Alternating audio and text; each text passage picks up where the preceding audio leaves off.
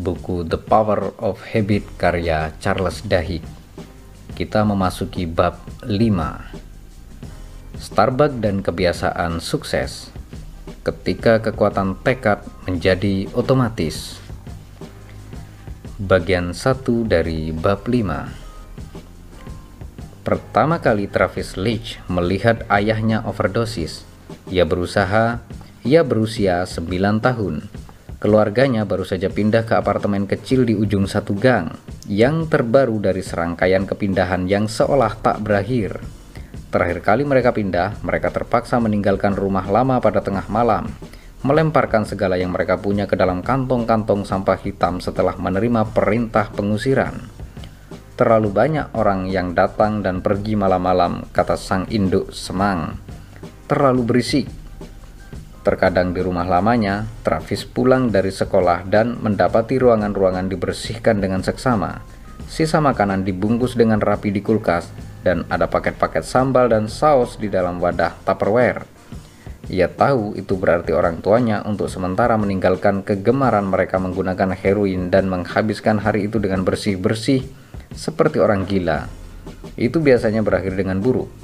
Travis merasa lebih amat Travis merasa lebih aman saat rumahnya berantakan dan orang tuanya tergeletak di sofa. Mata mereka tertutup separuh. Menonton film kartun, tidak ada kekacauan sesudah mabuk heroin. Ayah Travis adalah laki-laki lembut yang gemar memasak dan selain masa pengabdian singkat di angkatan laut menghabiskan keseluruhan hidupnya dalam jarak beberapa mil dari orang tuanya di Lodi, California. Ibu Travis Ketika keluarga mereka pindah ke apartemen di gang itu, dipenjara karena kepemilikan heroin dan pelacuran. Orang tua Travis, meski pecandu obat, masih bisa hidup seperti biasa dan keluarga mereka mempertahankan suasana yang kelihatan normal. Mereka pergi berkemah setiap musim panas dan hampir setiap malam Sabtu menghadiri pertandingan softball saudara-saudari Travis. Ketika Travis berusia 4 tahun, ia pergi ke Disneyland bersama ayahnya dan difoto untuk pertama kalinya dalam hidupnya oleh seorang pegawai Disney. Kamera keluarga itu telah digadaikan bertahun-tahun lalu. Pada pagi ketika ayahnya mengalami overdosis, Travis dan saudara laki-lakinya sedang bermain di ruang keluarga di atas selimut-selimut yang mereka gelar di lantai setiap malam untuk tidur. Ayah Travis sudah bersiap-siap membuat penekuk ketika ia melangkah masuk ke dalam kamar mandi. Ia membawa kantong yang berisikan jarum, sendok, pemantik, dan bola kapas. Beberapa saat kemudian, ia keluar membuka kulkas untuk mengambil telur dan jatuh ke lantai. Ketika anak-anaknya berlari menghampiri, ayah mereka sedang kejang-kejang, wajahnya biru. Kakak-kakak Travis sudah pernah melihat overdosis sebelumnya dan tahu apa yang harus mereka lakukan. Kakak laki-lakinya menggulingkan badan sang ayah agar miring ke samping. Kakak perempuannya membuka mulut sang ayah untuk memastikan tidak untuk memastikan ia tidak tercekik lidahnya sendiri dan menyuruh Travis lari ke tetangga, minta izin meminjam telepon dan menghubungi 911. Nama saya Travis, ayah saya pingsan dan kami tidak tahu apa yang terjadi. Ia tidak bernapas. Travis berbohong kepada operator polisi. Bahkan meskipun baru berusia 9 tahun, ia tahu mengapa ayahnya tidak sadar. Ia tidak mau mengatakan itu di hadapan para tetangga Tiga tahun sebelumnya, salah satu teman ayahnya tewas di ruang bawah tanah mereka setelah menyuntik heroin.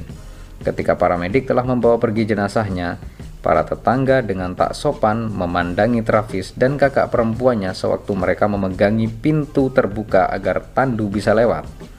Salah satu tetangga itu memiliki sepupu yang putranya sekelas dengan Travis. Dan dengan segera semua orang di sekolah pun tahu soal itu. Setelah memutus telepon, Travis berjalan ke ujung gang dan menanti ambulan. Ayahnya ditangani di rumah sakit pagi itu, ditanya-tanyai di kantor polisi sore harinya, dan sudah pulang lagi saat makan malam. Ia memasak spaghetti. Travis berulang tahun ke-10 beberapa minggu kemudian. Sewaktu Travis berusia 16 tahun, ia berhenti sekolah. Aku bosan dipanggil homo, katanya. Bosan diikuti dan ditimpuki orang waktu berjalan pulang ke rumah. Semua bikin aku kewalahan. Lebih gampang berhenti sekolah dan pindah. ia pindah ke Fresno yang berjarak dua jam ke arah selatan dan memperoleh pekerjaan di tempat cuci mobil. Ia dipecat karena membangkang. Ia memperoleh pekerjaan di McD dan Hollywood Video. Namun ketika para pelanggannya kasar, aku ingin saus ranch. Aku ingin saus ranch, dasar bego. Ia kehilangan kendali. Pergi kau dari drive-thruku, ia meneriaki seorang perempuan, melemparkan nugget ayam ke mobilnya sebelum manajer menariknya ke dalam. Terkadang ia sedemikian marah sehingga ia akan mulai menangis saat sedang bekerja. Ia sering kali terlambat atau sering kali cuti tanpa alasan. Pada pagi hari, ia akan meneriaki bayangannya di cermin, memerintahkan diri sendiri agar menjadi lebih baik, agar sabar. Namun ia tidak bisa berteman dengan orang lain dan ia tidak cukup kuat untuk menerima kritik dan peristiwa memalukan yang terus-menerus menghampiri.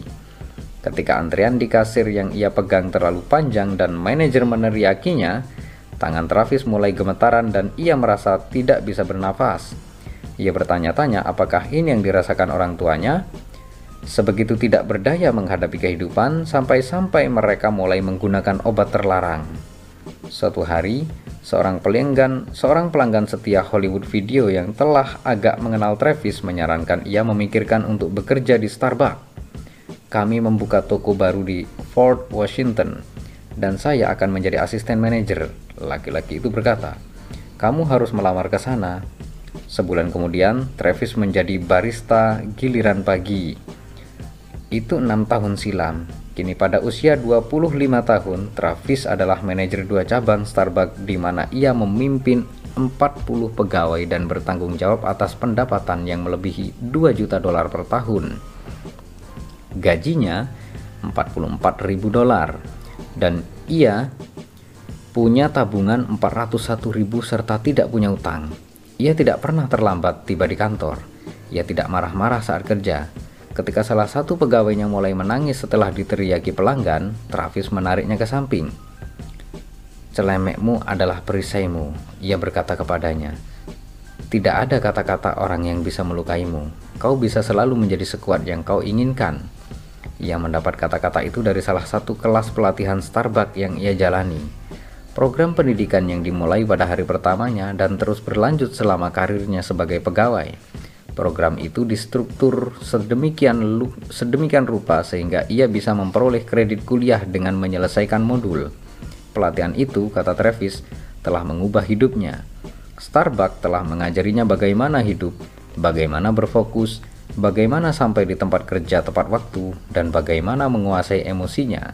Yang paling penting, pelatihan itu mengajarinya kekuatan tekad, willpower, Starbucks adalah hal terpenting yang pernah terjadi padaku. Ia memberitahu saya, saya berutang segalanya pada perusahaan ini. Bagi Travis dan ribuan orang lain, Starbucks seperti sejumlah perusahaan lain telah berhasil mengajarkan keterampilan hidup yang gagal diajarkan sekolah, keluarga, dan masyarakat. Dengan 137 ribu lebih pegawai saat ini dan 1 juta lebih alumni, Starbucks kini bisa disebut salah satu lembaga pendidikan terbesar di Amerika Serikat. Semua pegawai itu pada tahun pertama mereka saja menghabiskan setidaknya 50 jam di ruang-ruang kelas Starbucks dan lusinan jam lagi di rumah bersama buku-buku latihan Starbucks dan berbicara dengan para mentor Starbucks yang dipasangkan dengan mereka. Pada inti pendidikan itu terdapat fokus intens terhadap satu kebiasaan maha penting, kekuatan tekad, Lusinan penelitian menunjukkan bahwa kekuatan tekad merupakan satu-satunya kebiasaan kunci paling penting bagi keberhasilan individu. Pada penelitian tahun 2005, misalnya, para peneliti di University of Pennsylvania menganalisis 164 pelajar kelas 8, mengukur IQ mereka dan berbagai faktor lain termasuk beberapa seberapa besar kekuatan tekad yang ditunjukkan murid-murid itu seperti yang terukur oleh tes-tes disiplin diri. Murid-murid yang menunjukkan kekuatan tekad tingkat tinggi berkemungkinan lebih besar memperoleh nilai yang lebih tinggi di kelas dan diterima di sekolah-sekolah yang lebih selektif. Mereka lebih jarang bolos dan menghabiskan lebih sedikit waktu menonton televisi serta lebih banyak waktu mengajarkan PR. Remaja yang berdisiplin diri tinggi mengalahkan teman-teman seusia mereka yang lebih impulsif pada setiap variabel kinerja akademik, tulis para peneliti itu. Disiplin diri memprediksi kinerja akademik secara lebih meyakinkan daripada IQ. Disiplin diri juga memprediksi murid-murid mana yang nilainya akan meningkat seiring berlalunya tahun ajaran, sementara IQ tidak. Disiplin diri memiliki efek yang lebih besar terhadap kinerja akademik daripada bakat intelektual dan berbagai penelitian mengindikasikan bahwa cara terbaik memperkuat kekuatan tekad dan membantu murid-murid agar menjadi lebih baik adalah menjadikannya suatu kebiasaan. Terkadang seolah-olah orang-orang dengan kendali diri besar tidak bekerja keras, namun itu karena mereka telah menjadikannya otomatis. Angela Duckworth, salah satu peneliti University of Pennsylvania, berkata kepada saya, kekuatan tekad mereka timbul tanpa perlu mereka pikirkan. Bagi Starbucks, kekuatan tekad lebih daripada sekedar keingintahuan akademik. Ketika perusahaan itu mulai merencanakan strategi pertumbuhan besar-besaran pada akhir 1990-an, para eksekutif menyadari bahwa keberhasilan membutuhkan pembentukan lingkungan yang menjustifikasi harga 4 dolar untuk secangkir kopi mewah. Perusahaan itu perlu melatih para pegawainya untuk mengantarkan sedikit kesenangan bersama latte dan kue pesanan pelanggan. Oleh karena itu, Sejak dini, Starbucks mulai meneliti bagaimana mereka bisa mengajari pegawai untuk mengatur emosi dan mengendalikan disiplin diri agar setiap sajian mereka disertai keceriaan. Bila barista tidak dilatih untuk menyisihkan masalah-masalah pribadi, emosi sebagian besar pegawai tak pelak akan tersalur ke cara mereka menangani pelanggan. Tapi bila pekerja tahu bagaimana tetap berfokus dan berdisiplin, bahkan di akhir giliran kerja 8 jam, mereka tetap akan mereka tetap akan memberikan layanan cepat saji kelas tinggi yang diharapkan para pelanggan Starbucks. Starbucks menghabiskan jutaan dolar untuk mengembangkan kurikulum guna melatih pegawai mengembangkan disiplin diri. Para eksekutif menulis buku-buku latihan yang pada dasarnya berperan sebagai panduan untuk menjadikan kekuatan tekad suatu kebiasaan dalam hidup para pekerja. Kurikulum-kurikulum itu merupakan sebagian alasan mengapa Starbucks telah bertumbuh dari satu perusahaan biasa-biasa saja di Seattle menjadi raksasa dengan 17.000 lebih cabang dan pendapatan 10 miliar dolar lebih per tahun. Jadi bagaimana Starbucks melakukannya? Bagaimana mereka merangkul orang-orang seperti Travis, putra pecandu obat yang tidak lulus sekolah menengah atas dan tidak bisa cukup mengendalikan diri agar tidak sampai dipecat di McD dan mengajarinya untuk mengawasi lusinan pegawai dan pendapatan puluhan ribu dolar per tahun, apa sebetulnya yang Travis pelajari? Terima kasih dan bersambung ke bab 5 bagian 2.